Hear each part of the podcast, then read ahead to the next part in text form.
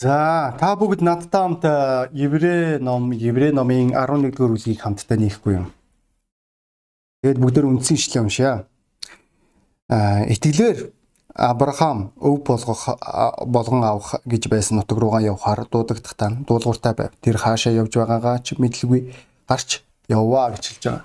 Энэ ишлэл маань их сонирхолтой ишлэл гэдгийг та бүгд мэдчихэж байгаа хэрэг. Энэ ишлэл маань хор конференцээр ашиглагдсан. Тэгээ үүнтэй холбоотой конференцийн номлыг би та бүгдэд номлох гэсэн энэ ишлэл яг харахгүй маргаангүй итгэгч хүмүүс бидний амьдралыг харуулж байгаа гэдгийг та ойлгож байгаа бах. Бидний бидний амьдралд амлалт байгаа. Энэ амлалтаа дийн төлөө бид нэр урагшаага бурхан дотор дуулууртаа алхаж байгаа. Тэгээ энэ алхалтын явцад бид нэр биднийг ирээдүйд юу хийж байгааг бид нэр мэдэхгүй.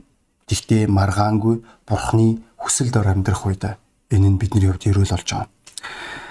Тэгэд энэ үед хамгийн гол чухал зүйл бол яа харахгүй маргаангүй одоо бидний нэшлэлээр дурддагдж байгаа Авраам дуулууртаагаар даган явсан талаар өгүүлэх энэ нэшлэл болов. Олон хүмүүс өөрсдийн амьдралдаа зориггүй амьдардаг. Бид нэр юуны араас яваад байгаагаа мэддэггүй. Зойломжтой та хэрэг өнөөдөр мөнгө олох энэ миний амьдралын зорилго гэж хэлж байгаа бол энэ таны бодлого. Гэхдээ үүнээс ч илүү зориг хүмүүсийн амьдралд байх ёстой гэдэгт би хувьд итгэдэг. Өнөөдөр бидний амьдралд хэрвээ эргэн тойрны харах юм бол зоригтой хүмүүс амьдралд ямар нэг юмд хүрдэг. Харин зориггүй хүмүүс маань зүгээр л үн цэнэгүй хөвччихдэг. Тэгэд энэ зорилгоо маш тодорхой ойлгох туйлын чухал. Яг яах гэж ямар учраас юуны улмаас гэдгээ мэдэх туйлын чухал байгаа. Нэгэн хүн хэлэхдээ Өнөөдөр энэ амьдралд зоригтой хүмүүс бүр тодорхойлох юм бол хэрвээ чиний өмнө зориг байгаа бол үүнийгээ тэр даруй хийх хэрэгтэй. Тэрнээс бол удаашрал өнөөдөр өхөлтэй тэнцсэн тийм үү? Үүнийг ойлгож байгаа болов. Харамсалтай нь магадгүй та одоо хүртэл өөрийн амьдралаа дэмий үржиж болох юм. Та өөрийн амьдралаа зүгээр л үр дүнгүй өнгөрөөж байгаа. Та энэ үнэхээр гонигтай шүү. Бид нэр гэхдээ бид нэр үүнийг хүлээн зөвшөөрөхтэй бол бид нэр олон жил хэл сурна гэж өөрөө өөртөө амлалт өгч болно. Бид нэр олон жил хөгжим сурна гэж өөртөө өөртөө амлалт өгч болно. Бид нэр олон жил ном уншина гэж өөртөө амлалт өгч болно. Бид нэр олон жил Библи уншина гэж амлалт өгч болно. Бид нэр олон жил залбирна гэдэг амлалт өгч болно. Тэгвэл харамсалтай нь бид нэр одоо хүртэл үүнийг хийгээгүй. Тэгээ бидний өмнө хүсэл байгаа даа. Энэ хүсэл маань маш тодорхой. Би ирээдүйд гэр бүл байгуулна. Би ирээдүйд илгээгдэх болно Би ирээдүйд би өөрийн сама санхүүгээр өөрийн сүмөө дэмжих болно. Би ирээдүйд би одоо яг сайн мэдээний багта одоо туслах болно би үйлчлэл дээр гарна би сүмийнхаа хэрэгцээнд дуудлаганд хариулна. Гэхдээ яг ингээ бодтойгоор аваад үзэх юм бол та зорилгынхон төлөө ерөөсөө ямар ч алхам хийхгүй байгаа Та өнөөдөр таны амьдралын үндсэн, таны амьдралын амжилт өнөөдөр энэ хоёрхан үгэн дээр оршиж байгаа. Дуудлаганда дуулууртай байх. Өнөөдөр бурхан чиний зүрх сэтгэлдээ яг юу ярьж байгаа вэ? Өнөөдөр бурхан чамайг юу руу дуудаж байгаа вэ? Өөрийн дуудлагаа мэдэх өнөөдөр ахан дүүсээ энэ бол бидний үндсэн зорилго гэдгийг та бүгд мэдж байгаа. Хамгийн агуу хүмүүс өнөөдөр өөрийнхөө өмнө зорилго тавьдаг болоо өчүүхэн өрөвдөлтөө хүмүүс хүслээр амьдрдаг гэж хэлж байгаа. Яг л энэ загварыг өнөөдөр олон хүмүүс барьдаг болов. Би өнөөдөр юу хүсэж чинь таашаалын араас хөөцөлдөж байгаа, зугаа цэнгэлийн араас хөөцөлдөж байгаа зүгээр л би мах одоо жаргаахыг хүсэж байгаа юм яг яагаад гэвэл бид нэр бурхны дуудлаганд дуулууртай байхад үндсэн саад болдог зүйл бол маргаангүй бидний махан бий. Махан би өнөөдөр сүнсний эсрэг гэж Библи хэлж байгаа. Энэ шалтгааны улмаас олон итгэгчнэр өөрсдийн бурхан дахь хувь тавилан дуудлагандаа хүрдгүү болов. Бүгдээрээ хамтдаа Ром номыг бүгдээрээ хамтдаа нээх юм бол Ром номын 5-ын 8 дугаар эшлэгийг бүгдээрээ нээцгээе. Энэ дээр Библи хэлэхдээ Учир нь махуудын э, дагуух нь махуудын сүнсний дагуух нь сүнсний юмсыг боддгоо гэж хэлж байгаа. Өнөөдөр чи өөрийн итгэлийн амьдралдаа яг юуг нэгдүгээр тавьж байгаа вэ? Чи өнөөдөр чиний үнэлэмж яг юу вэ? Чүүгээр өнөөдөр сүнслэг итгэгч эсвэл махан бие итгэгч гэдгээ тодорхойлж байгаа. Мөн энэ шалтгааны улмаас Библи Ромын ном дээр үргэлжлүүлэн Паул тэрээр хэлэхдээ ийм дахтуунараа бурхны өрөвч сэтгэлээр та нараас хичээнгүлэн хүсье. Өөрсдийн биеийг бурханд тааламжтай амьд ариун дахид болгож өрг. Энэ нь та нарыг сүнслэг та нарын сүнслэг мөргөл мөн Энэ үеийн явдалд нийцүүлэлгүй харин оюун санаагаа шинчлэн өөрчлөлт тэгвэл бурхны сайн тааламж төгс төгөлдөр хүсэл юу болохыг таних болно гэж Библи хэлж байгаа. Энд чинь Библи хэлэхдээ өнөөдөр хэрвээ чи бурхнаас Бурхан минь миний дуудлага яг юу вэ? Бурхан минь та надаас яг юу хүсэж байгаа вэ? гэдэг энэ асуултыг үнэхээр зөрөгтэйгээр чи хэрэг асууж чадах юм бол чи үүнд тэр өөрийнхөө амьдралаа зориулах юм бол чи үүнд өөрийн цаг заваа зориулах юм бол чи маргаангүй энэ итгэлийн амьдралдаа үн цэнтэй даацтай байх болно. Чи маргаангүй өөрийн хүсэж байгаа тэр хувь тавилангаар амьдрна. Бидний хүсэж байгаа хувь тавилын ихэвчлэн бидний махан биеийн хүсэхгүй тэр замаар туулагддаг гэдгийг та бүгд ойлгож байгаа. Дэвид Вилксон гэж нэг хүн байгаа. Энэ хүн маань маш онцгой сэргэлтийг хийж чадсан тийм үү? Дэрмийн бүлгийн дунд. Энэ бүх зүйл маань юунаас эхэллээ? Тэрээр нэг өдөр зурагт үцхэ болоод зурагт үтгэхгүй байх шийдвэр гаргаад тэрээр залбиралд цагаа зарцуулсан залбиралд Библи уншлаганд цаг зарцуулах тэр мөчөд зүгээр санаандгүй байдлаар тэрээр Нью-Йоркийн нэг юм сонин унших боломж олдоод тэр сониноос дээрмийн бүлгийнхэн шүүхт орж байгаа талаар тэр уншсан байгаа. Тэгээ эцсийн дүнд тэр дээрмийн бүлгийг аварч чадсан гэдгийг та бүгд мэдж байгаа. Энэ шалтгаанаар хүртэл Паул Агрип хаанд тэрээр хэлэхдээ агуу өнөөдөр Тэнгэрээс хурж ирэх энэ алсын хараа энэ дуудлаганд би эсэргүүцэж чадсангүй гэж хэлж байгаа. Энэ л шалтгааны улмаас Паул өөрийн хувь тавилангаа олсон болов. Өнөөдөр итгэгч найз минь чиний талаар яг юу ярих вэ? Одоо үртэл чиний хувьд өнөөдөр махан бие чинь өнөөдөр чиний дайсан болсоор байна уу? Чи мөрөөдөж болно, чи хүсэж болно. Гэхдээ хүсэл, мөрөөдөл ба биелэлт хоёрын хооронд их хол зай бий. Энэ зайд өнөөдөр чи өөрөөсөө золиос гаргах хэрэг гардаг чи энэ занд өөрөөсөө бүрэн дайчилгааг зориулах хэрэг гардаг. Хүсэг хангалтгүй өнөөдөр заримдаа ингээд залуучуудыг харж байгаа, охтуудыг харж байгаа. Тэд нэр гэрлэх хүсэлтэй. Тэгсэн мөртөө тэд нэр гэрлийн төлөө юу ч хийхгүй байгаа. Зүгээр л гаднах үзмж рүүгээ анхаарлаа хандуулж байгаа. Тэд нэр үсээ янзалж байгаа. Тэд нэр биенийхэн галбирлуугаа анхаарлаа хандуулж байгаа. Тэд нэр өөрсдийн гадаад нүүр төрхөндөө анхаарлаа хандуулж байгаа. Гэхдээ тэдний сэтгэл нь авах юмгүй байж болно Тэд нэр хогийн бодолтой, хогийн үзэлтэй, хуваа хичээсэн зантай, харамч бэртгчин. Тэгэд эцсийн дүнд өнөөдөр энэ зан нь өнөөдөр тийм ээ гэрлэх амархан амьдрах хэцүү. Үнэхээр хөгийн зантай хүнтэй хүн удаан амьдрахгүй шүү дээ. Олон хүмүүс яг энэ бүсдэр яг ийм байдлаар алдаа гаргадаг болов. Тэд нэр хүсэлдээ нэгдүгээрт номер 1 тавьдаг. Тэд нэр үзэмж рүүгээ анхаарлаа хандуулж байгаа харин агуулмж рүүгээ анхаарлаа хандуулахгүй байгаа. Чи ирээдүйд илгээгдэх бодолтой байгаа чи ирээдүйд илгээх хүсэлтэй байгаа. Тэгсэн мөртөө чи үүн лүү ерөөсөө ямар ч алхам. Зүгээр өнөөдөр найз нараа бүгдөө энэ өглөө бүгдөө шудраг байх уу? Та өнөөдөр бурхан дахь дуудлаганда яг юу хийж байгаа вэ? Энэ дуудлаганда хүрэхийн тулд, энэ зорилгодоо очихын тулд та ямар золиосыг өөрийн амьдралдаа гаргаж байгаа вэ? Ямар золиосыг та гаргаад өнөөдөр алхам хийж байгаа. Есүс Христийн дуудлага үргэлж хിവэрэ байсан. Үүнийг итгэгч нар яаж шингэлсэн өнөөдөр Есүс Христ нэг л зүйлийг хэлсэн тийм үү? Бүхэл бүтээлүүдэд дэлхий даяарсан мэдээд үгүй. Үүнийг л бид нар хийх ёстой болов. Тэрнээс бол Есүс эвтэйхэн болох үедээ чи сайн мэдээд үгүй гэж юусоо хэлээгүй. Чи чамд цаг зав гарах үедээ чи сайн мэдээд үгүй гэж хэлээгүй чи мөнгө олцоод өөрийгөө санхүүгийн хувьд боломжтой болгочоод үүний дараа чи сайн мэдээд түгээ гэж ерөөсөө хэлээгүй. Бурхан биднэрт маш энгийн дуудлагыг өгсөн. Энэ Тэнгэрээс хурж ирж байгаа энэ дуудлага маань өнөөдөр энэ дуудлаганд бид нар дуулууртай байх тэр мөчөөс эхлээд бид нар агуу хувь тавилан төрж эхэлдэг. Бид нар агуу үн цэнд очдог гэдгийг найз нараа бид нар ойлгох хэрэгтэй болов. Хэрвээ үүнээс бид нар эсэргээр хандах тэр үед бид нэр итгэлийн амьдралдаа ялагдламсдаг. Эрик Лидл гэдэг хүн байгаа даа. Энэ хүн маань болохоор нэлээд алдартай гүгч 1924 онд тэрээр Олимпийн Парисын Олимпиад тэрээр алтан медаль авсан 400 м-ийн зайд. Түүний чаддаг зай нь болохоор 100 м байсан даа. Энэ зайдаа тэрээр оролцоогүй. Яга оролцоогүй бол тэрээр бүтэнсэн өдөр байсан учраас тэрээр цуглаан цухыг илүүд үтсэн гэж хэлж байгаа. Тэгээд тэрээр энэ болгон дээр магадгүй үнэхээр зарим хүмүүс хэлж болох өө ин чинь тэнийг байна. Үнэхээр ухаангүй зүйл байна. Тэгвэл өнөөдөр зүгээр л наацхан бүдөр нэг зүйлийг бүдөр бодоод үзье. Өнөөдөр хүмүүс зорилгодоо хүрэхин тулд ямар золиосыг гаргаж байгаа. Тэгээ яг хүмүүс мөнгөн дээр зориг тавиад тэн дээр золиос гарах үедээ үүнийгээ зориг золиос гэж хэлчихэд харин ихтгэл үнэмшлийн бүс дээр зориг дээр золиос гаргангуудаа энийг тэнэглэл гэж хэлсээр байх уу. Өнөөдөр хэрэг олон хүмүүс өнөөдөр хэмжээний мөнгийг богино хугацаанд олохын тулд хэмжээний мөнгийг бараа таваар янз бүрийн зүйлсүүд рүү зарцуулж байгаа. Чи тэгээд хөнлөнгөөс харах үедээ чи бодож эхэлж байгаа үнэхээр энэ тэнэглэл. Үнэхээр ухаангүй байна. Үнэхээр яаг гэж энэ бүх мөнгийг тэр зүйл рүү зарцуулна вэ? Э, чи тэр хүмүүсээс асуу. Тэд нар өөрсдөө өмөрөх болно. Тэд нар өөрсдөө хэлэх болно. Үгүй энэ чинь ухаантай алхам.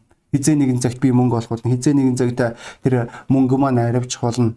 Тэгээ юунд итгээд яг юунд найдаад өнөөдөр суугаад байгаагаа үнэндээ хэлэхэд хамаг байдаг бүдэр бүх мөнгө алдаж байгаагаа тэд нэр ойлгохгүй байгаа. Би өчигдөр итгэгч нартай хэлсэн. Чи өнөөдөр эхний нэг сар сая 500 болж байгаа. Дараа 500 зарцуулж байгаа. Дараагийн сар дахиад нэг тэр хэмжээний мөнгийг зарцуулж байгаа. Дараагийн сар дахиад нэг хэмжээний мөнгө зарцуул. Дахиад дараагийн дахиад дахиад дахиад дахиад тэгээ эцсийн дүнд өнөөдөр чи тэр зарцуулаад 5 6 сар тэр хэмжээний мөнгийг янз бүрийн зүйлсүүдэд одоо яг чи өөрийнхөө зорилгынхон төлөө зарцуулчаа. Тэгээ дараад нь 6 сарын дараа чи 7 сая 500 зарцуулчаад чи 6 сарын дараа 3 сая 500-ийн цалинтай болчлоо гэж баярлах өнөөдөр энэ хэр ухаантай байх вэ? Өнөөдөр хүмүүс заримдаа өнөөдөр юуны төлөө өөрсдийнхөө амьдралыг зориулж байгаагаа энэ туйлын ойлгоод байдгүй. Өнөөдөр ахан дүүсээ бид нэр ойлгох хэрэгтэй бол биднэрт дуудлага бий. Энэ дуудлаганд өнөөдөр дуулууртай байхаас бидний хувь тавилан шалтгаал болно. Тэгээд энэ дуудлаганда бид нэр тэр даруй хариулах хэрэгтэй. Тэр даруй шүү. Тэр даруй огцсон э, шаргуу төлбөртэй хөдөлгөөн маань өнөөдөр ялалтыг бидний амьдралд өгдөг. Энэ энэ энэ арга бол ерөөсөө дайны арга. Хэрвээ та хоромхон зур ерөөсөө нөгөө дайсан маань ухаан орж амжаагүй байх тэр үед та давшиж чадах юм бол та ялалтыг байгуулах болно. Тэгвэл энэ л зүйлийг Авраам тэрээр хийж хэлж хийж байгаа. Тэрээр тэр даруй асгам хийж гисэн. Тэрээр тэр даруй дуудлаганд хариулж гисэн. Тэрээр тэр даруй дуудлагынхаа төлөө өөрийн амьдралаа зориулсан. Энэ шалтгаанаар тэрээр өөрийн амьдралдаа маш олон зүйлсүүдийг олж авсан болов. Өнөөдөр итгэгч амжилттай итгэгч ба амжилтгүй итгэгчийн ялгаа үүнд л оршдог. Зарим итгэгч нар маань хийдэг, хэлдэг. Би хийндээ. Би алхандаа. Би үйлдэл хийндээ. Гэхдээ бодит байдал дээр тэд нар юу ч хийдгүй. Би дараа залгана. Би тэгж яагаад шийдвэр гаргана Бид нэр бүр эндрийн дуудлага руу хүртэл тэр маш тэд нэр маш залхуугаар ойртдог. Яг яагаад вэ? Маш энгийн. Аа тэд нэр тэр даруй алхах энэ алхмын үн цэнийг ойлгодог учраас тэгвэл Авраам тэрээр тэр даруй дуудлаганд хариулсан. 10 Эхлэл номын 12 дугаар бүлгийг та нар уншиж болно. Тэр даруй тэрээр хүүгээр хүртэл золиос гаргахад бэлэн байсан. Тэрээр тэр даруй Содом Гоморогийн төлөө тэрээр зуучлангуйн залбирж эхэлсэн байгаа. Яг яагаад энэ зүйлсүүд болсон бэ? Тэрээр маш сайн ойлгож исэн. Жинхэнэ амжилтанд хүрэх итгэгч нар зүгээр нэг өөрсдийнхөө өмнө зориг тавьдаг хүмүүс биш. Зүгээр нэг одоо энэ мөрөөддөг хүмүүс биш. Зүгээр нэг алсын хараатай хүмүүс биш. Зүгээр нэг эерэг бодолтой хүмүүс биш. Энэ хүмүүс тэр даруй дуудлаганд алхам хийдэг хүмүүс байгаа. Би та бүгдэд хэлсэн тийм Александр Македонский тэрээр хэлэхдээ энэ дэлхийг эзэлсэн цорын ганц шалтгаан болоо би хойш нь тавиагүй гэж хэлж байгаа. Би хойш нь тавиагүйгээр би алхам хийж эхэлсэн. Би сайн мэдээ түгэж эхэлж байгаа. Би дуудлаганд хариулсан. Бурхан миний зүрх сэтгэлдээ ярьж эхэлсэн. Маш тодорхой ярьж эхэлсэн байгаа даа. Тодорхой нэг аймагуудын талаар, тодорхой нэг үйлчлүүдийн талаар, тодорхой нэг хэрэгцээний талаар тэгээ би тэр хэрэгцээнд, би тэр дуудлаганд, би тэр даруй хариулсан. Тэрнээс бол за би нэг тэгж яагаад нэг мөнгөтэй болох үедээ би төгөлдөр үүрний сургалтанд сундаа эсвэл гитарын сургалтанд сун би магтан дууны үйлчлэл дээр гарах болно би төхөөрөмжийг би хариуцах болно би хүүхдийн багчуудын үйлчлэлийг би хариуцах болно би библи судлалын багш болох болно үгүй. Энэ хүмүүс маань хизээ нэгэн цагт гэж өөрийгөө хуураагүй. Энэ хүмүүс маань тэр дөрөв өөрсдөө дайчилж эхэлж байгаа. Өөрсдөө зориулж эхэлж байгаа би хизээ нэгэн цагт илгээгэдэндээ гэдэг үлгэрээр өөрийгөө дүргээгүй. Илгээхдийн тулд яг би яг юу хийх ёстой юм пастора? Би яг ямар алхам хийх ёстой? Би яг юу сурцсан байх хэрэгтэй вэ? Хэрвээ пастор одоо та намайг хэрвээ бэлэн энэ энэ жилийн конференцээр хэрвээ та намайг бэлэн биш гэж хэлж байгаа бол би бэлэн болохын тулд яг би яг ямар алхам хийх ёстой вэ? Би итгэлээрээ өсөхийн тулд би бурхны нэгүсэл дотор өсөхийн тулд би яг юу юу сурах ёстой вэ? Юу юу мэдэх ёстой вэ? Юу юун дээр өөрийгөө зориулах хэрэгтэй вэ? Би ирээдүйд гэр бүл байгуулна гэж хэлж байгаа. Би ирээдүйд гэрэлмээр байна. Би өөрийнхөө ирээдүйн ханаа ад жаргалтай байлгаж чадах уу? Тэр эмэгтэй маань, тэр эрэгтэй маань надад би чамтай гэрэлсэндээ үнэхээр ад жаргалтай байна. Би чамайг сонгосондоо үнэхээр би ад жаргалтай байна гэж хэлж чадах уу? Эсвэл би тэр хүний хувьд гонсолт болох уу? Би өнөөдөр сайн итгэгч байхыг хүсэж байна. Тэхийн тулд өнөөдөр итгэгч ахан дүүс дундаа би хэр нэр хүндтэй вэ? Би хэр сайн гэрчлэлтэй вэ? Сайн гэрчлэлтэй байхын тулд би яг юу хийж байгаа вэ? Би санхүүгийн бүсдэр би ялалт байгуулахыг хүсэж байгаа. Би тэгвэл санхүүгийн бүсдэр би хэр золиос гаргах чадвартай вэ? Миний итгэлийн одоо байр суурь санхүүгийн бүсдэр 11-ээр хязгаарлагддаг юм биш үү? Өнөөдөр би 11-ээс ч илүү өгч чадах уу? Би амлалтандаа хэр үнэнч вэ? Өнөөдөр бидний дуулууртай байдал бидний а энэ үйлдэл бидний итгэлийг харуулж байгаа Чи өнөөдөр үүнд итгэж байгаа. Чи өнөөдөр үүнд өөрийгөө зориулж байгаа. Энэ хугацаанд өчнөө эргэлзээ орж ирнэ. Энэ хугацаанд өчнөө айдас үрж ирнэ. Айдгүй хүн гэдэг бол тэнийг хүн тийм үү? Айдгүй хүн гэж байхгүй. Айдгүй хүн зөвхөн галзуу хүн байгаа. Ухаан алдцсан. Дүүл ямар ч хүн айн. Гэтэ чи тэр айдсыг ялах хэрэг гарч байгаа. Чи өөрийн тэр эргэлзээгээ ялаад чи бурханд найдах шийдвэр гаргаж байгаа. Чи бурханд чи өөрийн амьдралаа бүрэн даатгаж байгаа. Бурхан минь би таны дуудлаганд хариулах болно. Би бурхан минь үнэхээр би таны амьдрал таны амьдралаар амьдрах болно. Таны надаас хүсэж байгаа тэр амьдралаар би санаж байна олон жилийн өмнө би пасторын үйлчлэл дээр гарахаас өмнө би пастор болох шийдвэр гаргахаас өмнө надад баталгаа хэрэгтэйсэн. Надад энэ баталгаа маань маш тодорхой баталгаа байх хэрэгтэй байлаа. Би 7 хоногийн хугацаанд би мацаг барьж эхэлсэн. Би залбирж эхэлсэн. Бурхан минь үнэхээр энэ яг надад ямар ашигтай, надад яг ямар баталгаа байгаа. Би одоо жишээлбэл би пастор боллоо гэхэд яг би яг юу надад баталгаа өгдөг вэ? Тэгээ санаж байна. 5 дахь өдөр өглөө босох үед бурхан та бүгд мэдж байгаа юм заримуд нь үнгэнд нүх шувуун дүүр гэдэг хань хүний үд юу ч байхгүй гэж хэлсэн. Үүгээрээ Иесус надад юу ойлгуулсан бэ гэвэл би чиний хувьд баталгаа гэж байгаа. Би чамтай хамт байх болно. Өнөөдөр би э, чиний хувьд 100% баталгаачин болж байгаа. Өөр юу ч биш. Юу ярьж байгааг ойлгож байна уу найз минь? Чи бурхнаас бүрэн чиглүүлгийг гуйж байгаа. Бурхан чамайг чиглүүлэх болно, бурхан чамайг удирдах болно чи хийх ёстой тэр зүйлсүүдэл хийж эхэлж байгаа. Чи энэ дуудлаганд өөрийгөө зориулж байгаа. Чи зүгээр нэг одоо би хизээ нэгэн цагт үгүй тэгж хуурах хэрэггүй. Чи бурхныг олох ёстой. Чи бурхны хүслийг өөртөө таньж мэдэх хэрэгтэй. Чи өнөөдөр бурхан чамаас яг юу хүсэж байгааг чи маш тодорхой олох хэрэгтэй. Авраам тэрээр өөрийн өөрт нь бэлдсэн тэр өрөөлийг өөрийн амьдралдаа олж авахын тулд тэрээр дуудлаганд дуулууртай байсан. Түүнийг юу хүлээж байгааг тэр мдээгүй хинч мэддэггүй. Би 10 хэдэн жилийн өмнө намайг би пастор гаргах тэр шийдвэр гаргах үед намайг юу хүлээж байгааг би мдээгүй. Би зүгээр л өөрийнх нь чаддгаа хийж гисэн. Бурхан намайг удирдах байгаа. Би алхам хийж гисэн. Би явж гисэн. Би үйлдэл хийж гисэн. Би гэрчилж гисэн. Би хүмүүсийн төлөө санаа тавьж гисэн. Би Библийг судалж гисэн. Би өөрийн ирээдүйн хандаа ерөөл байхын тулд би санжийн 6 сар үний талаар би бодсон шүү. Чи үерхэж эхэлж байгаа. Тэгээ энэ болгон дээр байнгын нэг тийм айдас намайг орхитгүй байлаа. Би ирээдүйн одоо энэ ихнэрдээ би ерөөл байж чадах уу? Энэ эмэгтэй надтай гэрэлсний дараа би ад жаргалтай байж чадах болов? Би арай би миний төрсэн аав ээжийн минь хувьд гонсолт байсан шиг би яг энэ эмэгтэйд гонсолт болох юм швэз. Үүний тулд өөрөө өөртөө их өндөр шаардлага тавьдаг байлаа. Өөрөө өөрийгөө үүнлүү зориулж гисэн. Тэгээ гэрлэх шийдвэр гаргаа сүү зарлсны дараа энэ айдас бүр улам хүчтэй болсон би та бүгдэд хэлмээр байна. Бүр хамгийн сүүлчийн өдөр буюу маргааш нь бүтэнсэн өдөр болох гэж байгаа. Тэр үед хүртэл би айж исэн. Өөрөө өөрийнхөө төлөө айгаагүй шүү. Нэрээ үнэхээр жаргалтай байлгаад тэр эмэгтэй маань надтай гэрэлсний дараа би чамтай гэрэлсэндээ ад жаргалтай байна гэж хэлж чадахгүй бол яана гэдэг айдас намайг дүүргэжлээ. пастор болох тэр шийдвэр гаргасны дараа өөрөө ирэхгүй айц төрж за би илгээ гэдлэхэд би яг юу хийж чадах вэ? Энэ болгон дээр өнөдөр эцсийн дүн өнөдөр би бурхан numд найдгаас өөр надад сонголт байгаагүй. Бурханы дуудлаганд би дуулууртай байхаас надад өөр сонголт байгаагүй. Найз минь өнөөдөр ойлгох хэрэгтэй болов.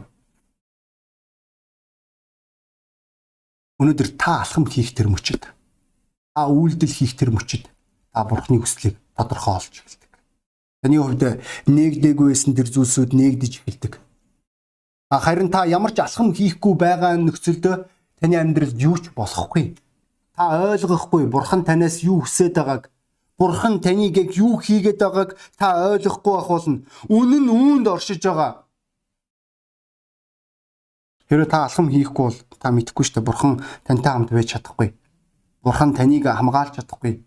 Бурхан таныг өрөөж чадахгүй. Бурхан э, таны амьдралд тусалж чадахгүй. Яг яагаад та ямар ч алхам хийгээгүй учраас санжийн олон жилийн өмнө манай итгэгч нар маань дөнгөж одоо ажилд орохоо тийм шийдвэр гаргаад өө өстө бүр үнэхээр өчнөө олоодаа дүлжийлээ тэд нар маань.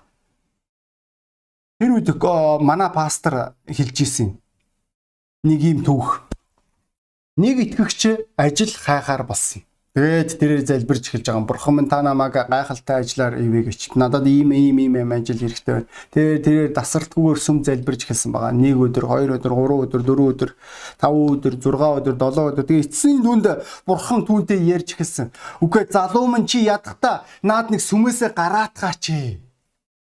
Их юм бол би чамд ажил бэлтчихэд байна.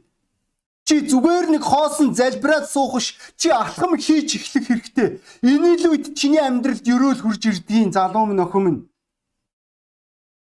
Энэ үед өнөөдөр бидний амьдралд өв залгамжлал эхэлдэг.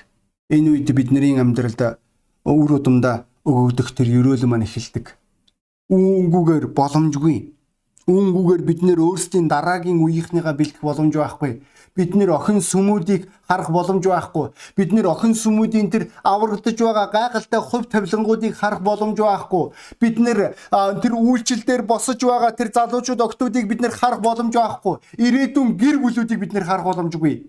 Бид нэр хүмүүжилтэй ерөөгцөн тэр хүүхдүүдийг харах боломж байхгүй. Бид нэр алхам хийх тэр мөчөд бид нэр алхаж эхлэх тэр үед бид нэр тэр дуудлаганд хариулан үйлдэл хийж эхлэх тэр мөчөд бид нэр өөрсдийн амьдралдаа өв залгамжлалыг хүлээн авдаг. Бид нэр бурхны амлалтыг өөрсдийн амьдралдаа хардаг. Тэгээ би та бүгдэд нэг жишээ ярмаар байна. Тэгээ та бүгдэд удахгүй зураг харуулах болно.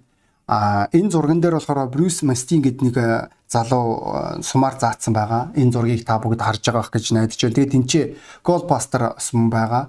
А нэр нь байгаад мөн зураг нь гарч ирж байгаа болов. За та бүгд анхааралтай харчихгүй.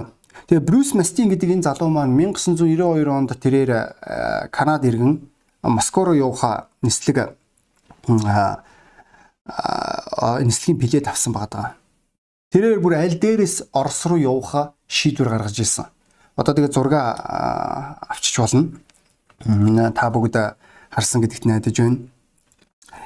Тэрээр бүр 17 настайдаа тэрээр Оросын талаарх Орос дахь итгэгч нарыг хэрхэн хавчиж байгаа талаарх тэр түүхүүдийг уншаад тэрээр тэр газар би нэг сайн мэдээ түгээх юмсан гэд тэрээр боддог байсан ба да. Тэгээд энэ мөрөөдлөө тэрээр одоо яг тэр Оросын төмөр хөшиг буух үед энэ мөрөөдлөө хэрэгжүүлж чадсан. Үүний тулд тэрээр өөрийнхөө зүгээс санхүү гаргаж эхэлж байгаа. Тэгээд нэг христийн байгууллагыг олж аваад христийн байгууллагын шугамар тэрээр Орос руу очих виз гаргаж ирсэн. Чадсан. Тэгэд үүний тулд тэр өөртөө бас мөн 4000 доллар авч явах хэрэгтэй байсан гэж хэлж байгаа. Тухайн үед нэг энгийн одоо ганц би залуу 50 мянган үгүй 50 доллараар сард амьдэрчдэг байсан бол тэр залуу тэр их хэмжээний мөнгийг цуглуулах хэрэг гарсан. Тэгээд тэр тэр газар очиод англи хэлний багш болоод үүгээрээ дамжуулан тэрээр сайн мэдээ түгэж жагаад 18 настай нэг залуу та сайн мэдээ түгээсэн. Энэ залуу маань нэг бүтэн жилийн хугацаанд эсэргүүцсэн байна. Байнгын мэтгэлзээ, байнгын одоо маргалдаан явагдчихсэн ч гэсэн энэ мастин гэдэг энэ залуу маань тэрээр тэр залуугийн төлөө жинхэнэ утгаар тэмцэжсэн. Тэрээр байнга л гэртээ урж исэн, хоолоор дайлж байгаа, тэгэл ярилцж байгаа, ярилцж байгаа. Тэгээд тэр залуу нэг тийм хоорондоо нэг юм харилцдаг юм загтлын дэвтэртээс тэр дэвтрийг сүулт нь олсон. Хүүхдүүдэд харуулж байгаа. Тэгээ тэр дэвтэрээс та юу олж харж боломжтой вэ гэвэл тэр залуу тэр бүтэн жилийн хугацаанд түүний ихтгэл үнэмшил ям яаж хэлбэр олж байгааг тэр цагтлаас уншиж болно гэж байгаа. Тэгээ төд бодлого нөгөө нэг Канад залуу маань нутг руугаа буцах болоод тэрээр дөнгөж шинээр нээгдэж байгаа тэр хотод нээгдэж байгаа Варчныг иргэдэг сүмд тэр залууг дагуулж утсан байгаа даа. Тэгээд Клен Равчин пастортай танилцуулсан. Тэгээ агуу сэтгэгч аа гэж түүнийг танилцуулсан байгаа да. Сергей Голов гээд. Тэгээд тэр залуу тэр сүмд явж эхэлсэн. Тэгээ тэрээр төдөөдлгүй тэр сүмдөрийн ирээдүйн ханиа олж байгаа. Тэгээд тэрээр төдөөдлгүй тэр сүмийн пастор болсон. Хэсэг хугацааны дараа. Тэгэд энэ хугацаа одоо 27 жил болж байгаа. 27 жилийн хугацаанд тэрээр тэр Брюс Мастин гэдэг хүнтэй ерөөсө холбоо бариагүй байжгаад энэ нөгөө нэлийн хатуу тэг зогсолтын үеэр тэрээр фейсбүүкээр энэ хүний хаягийг олоод дараах цагтлыг бичсэн байгаа. Сайн байна уу Брюс? Намайг Сергей Голб гэдэг вологдоос Оросд Хэрвээ чи санаж байгаа бол би чиний англи хэлний ангид байсан. Би саяхан нэг тэмдэглэлийн дэвтрээ бид нар хоорондоо бодлуудаа хуваалцаж исэн тэмдэглэлийн дэвтрээ оллоо. Тэгэд миний хүүхдүүд гайхширж байгаа. Бурхан миний амьдралд яг Есүс Христ яаж хэрхэн аажуу ажиллаж ийснийг хараад тэгээд мөн чиний төвчээрэнд бид нэр гайхширсан. Энэ бүх хугацаанд чи маш их чухал үүрэг миний амьдралд гүйцэтгсэн. Тэгээд э, чамд үнэхээр чин сэтгэлээсээ талархаж чинь чиний бүх тэр золиосонд. Энэ бүх золиос чи үн цэнтэй байсан шүү. Одоо би Варшныг ирс Вологдогийн Варшныг ирсэн юм пастор. Бид нэр хэдэн мянган хүмүүсийн амьдралд хүрж байна. Барагцаал бол бид нэр 50 гаруй охин сүмтэй. Аа энэ аа би одоо 5 хүүхэдтэй гэрлээд 26 жил болж байна та нарт ингээд мэдэгдээд ирэхэд 6 сарын 25-нд гэрэлсэн юм байна. Тэгээд энэ бүх зүйл маань чиний а Оросд зориулсан золиосын ачаар гэж хэлж байгаа. Тэгээд та бүгд зүгээр бодоод үзгүй. Тэгсэн чинь нөгөө хүн маань маш гайхширсан хариу загтал хэлгээд тэр үедээ болохоор маш хүнд байж байгаад энэ загтал түнд хэрхэн тусалсан талаараа өгүүлж байгаа. Эцсийн дүнд өнөөдөр хэрвээ тэр залуу хэрвээ бурхны дуудлаганд дуулууртай байгаад алхам хийгээд золиос гаргаагүй бол бид нэр өнөөдөр аврагдахааргүйсэн шүү найснараа. Бид нэр тэр өв залгамжлал нь болохгүй байх байсан. Бид нэр бол варчны гэрийн өв замлагамжлал. Бид нэр үр хөвгтөн. Бид нэр сүнслэг хүүхдүүд нь гэдгийг та бүгд мэдэж байгаа. Тэгээд энэ золиос хин нэгний дуулууртай ши байх шийдвэрийн ачаар хин нэгний алхам хийсний ачаар ийм гайхамшигтай зүйлс болж байгаа. Тэгвэл биднийг өнөөдөр ямар ирээдүй хүлээж байгаа залуучууд охтууд. Монголд хэр их олон залуучууд охтууд аврагдах болоо. Хэр их олон аймагуудад өнөөдөр залуу минь охин минь та тайтгар болж чадахгүй. Та тэр өв залгамжлалыг үргэлжлүүлж байгаа. Үүний тулд өнөөдөр бид нэр итгэмжтэй байх туйлын чухал болов. Тэгэд хүн болгон толгоо удаалгаад нүдэ ханасаа гэж хүсэж байна. Хүн болгон толгоо удаалаад нүдэ ханцсан байгаа энэ мөчөд та ойлгож байгаа. Бурхан хин нэг өнөөдөр та бурхны дуудлагыг та мэднэ. Бурхан танаас юу хүсэж байгааг ойлгож байгаа. Магадгүй энэ нэг хин нэгэнд илгээгдэх хин нэгэн илүү шавьчлалдаа илүү үн цэнийг зориулах ирээдүйн гэрлэлттэй өөрийгөө одоо бэлдэж эхлэх хин нэгэн үйлчлэл дээр өөрийгөө зориулж эхлэх бурхны сүмийн дуудлаганд хариулах хэрэгцээнд хариулах хин нэгэнд үйлчилж эхлэхийн тулд та өөрөө өөрийгөө бэлдэж эхэлж байгаа. Тийм үнэхээр бидний махан бие бидний эсрэг байдаг үнэн. Бид нэр айл болох тав духыг хүсдэг бид нэр айл болох золиос гаргах хүсдэг тийм яг ингээ амьдрал дээр золиос гаргах дургүй дур хүслээрээ амьдрсан өнөөдөр дунд чөмгөөрөө жиргсэн нөхдүүд амьдралд юу ч хождгүй штеп. Ихэнх сүмд хурж ирж байгаа хүмүүс дандаа тэд нар өөрсдийн хүслээрээ дур зоргоороо амьдраад өөрсдийн амьдралаа сүрүүлсэн байдаг. Яг тэгвэл амьдрал дур зоргоороо байдгүй учраас бид нэр амьдарж байгаа болохоос бид нэр тоглоогүй. Өнөөдөр үүн дээр та чанартай хөрөнгө оруулалт хийхгүй бол та чанартай чухалчлан шийдвэр гаргахгүй бол та юунд ч хүрэхгүй. Магадгүй та энэ номлыг анх удаа сонсч иж болох юм. амьдралд зориг хэрэгтэй. Өнөөдөр найз минь чи энэ номлыг анх удаа сонсож байгаа. Чиний зорилго яг юу вэ? Чи юуны төлөө амьдарч байгаа? Өнөөдөр чи ажлын төлөө гэвэл худлаа. Чи мөнгөний төлөө гэвэл хямдхан байна. Чи ад жаргалтай амьдрахын тулд төлөө гэвэл ойртож байна. Ад жаргалтай гэр гэр бүл гэх юм бол бүр илүү ойрхон байх болов. Гэхдээ эргэн тойрноо харахгүй залуу минь охин минь аж аргалтай гэр бүлүүд хэр их олон байгаа вэ? Бидний нийгмийн тогтолцоо маань энэ гэр бүлийг байгуулахад хэр тус болж байгаа вэ? Тийм ээ, олон ураа байгаа, олон ухуулга байгаа. Гэтэ инглигээд өнөөдөр тус болохгүй шүү дээ. Санжийн дөнгөж гэрлэхийн өмнө эхнэрүүтэй хоёр гэрчилгээг авахаас өмнө хормын ордонд бид нэг 2 цагийн лекцэнд суусан. Яг үннийг хэлэхэд тэр лекц биднэрт ерөөсөө тус болоогүй. Биднэрт тус болсон гэр бүл 14 жилийн хугацаанд байгуулга Бурхны үг биднэрт тус болсон. Яг гэвэл Бурхан чамд туслахыг хүсэж байгаа. Бурхан чамд чамааг өрөөхийг хүсэж байгаа. Энэ шалтгааны улмаас тэрээр өөрийн цорын ганц хүүгээ чиний нүглийн төлөө төлөөс болгон үхүүлсэн. Есүс Христийн үхэл дахин амьлалтын ачаар бид нэр бурхантай эвлэрэх боломж олдож байгаа. Тэгвэл би энэ боломжийг би чамааг ашиглаасаа гэж хүсэж байна. Үүний тулд энгийн гимшлийн залбирал хэрэгтэй өөрийн нүглээг хүлээн зөвшөөрч өөрийн амьдралдаа бурхныг өрөх тэр мөчид энэ гайхамшиг уучлалын гайхамшиг чиний амьдрал болох болно. Тэгээд илүү их таньж мэдэх хэрэгтэй. Бид нэр хүнд итгэдэг гэдгээ мэдхгүй амьдрах утгагүй.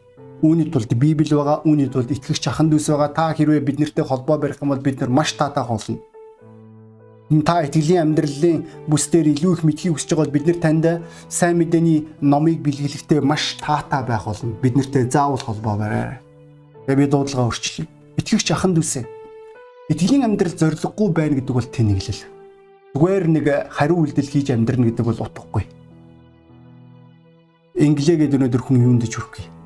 Бидний ихэнх тохиолдолд өнөөдөр зарим итгэгч нар маань бүтлгүүддэг зарим итгэгч нар мангаас ийм юм зүйл байна штэ Гэтэ энэ болгоны цаана өнөөдөр ялж гарч байгаа тэр хүмүүсийг харах юм бол тэд нар зорилгоо мэддэг хүмүүс.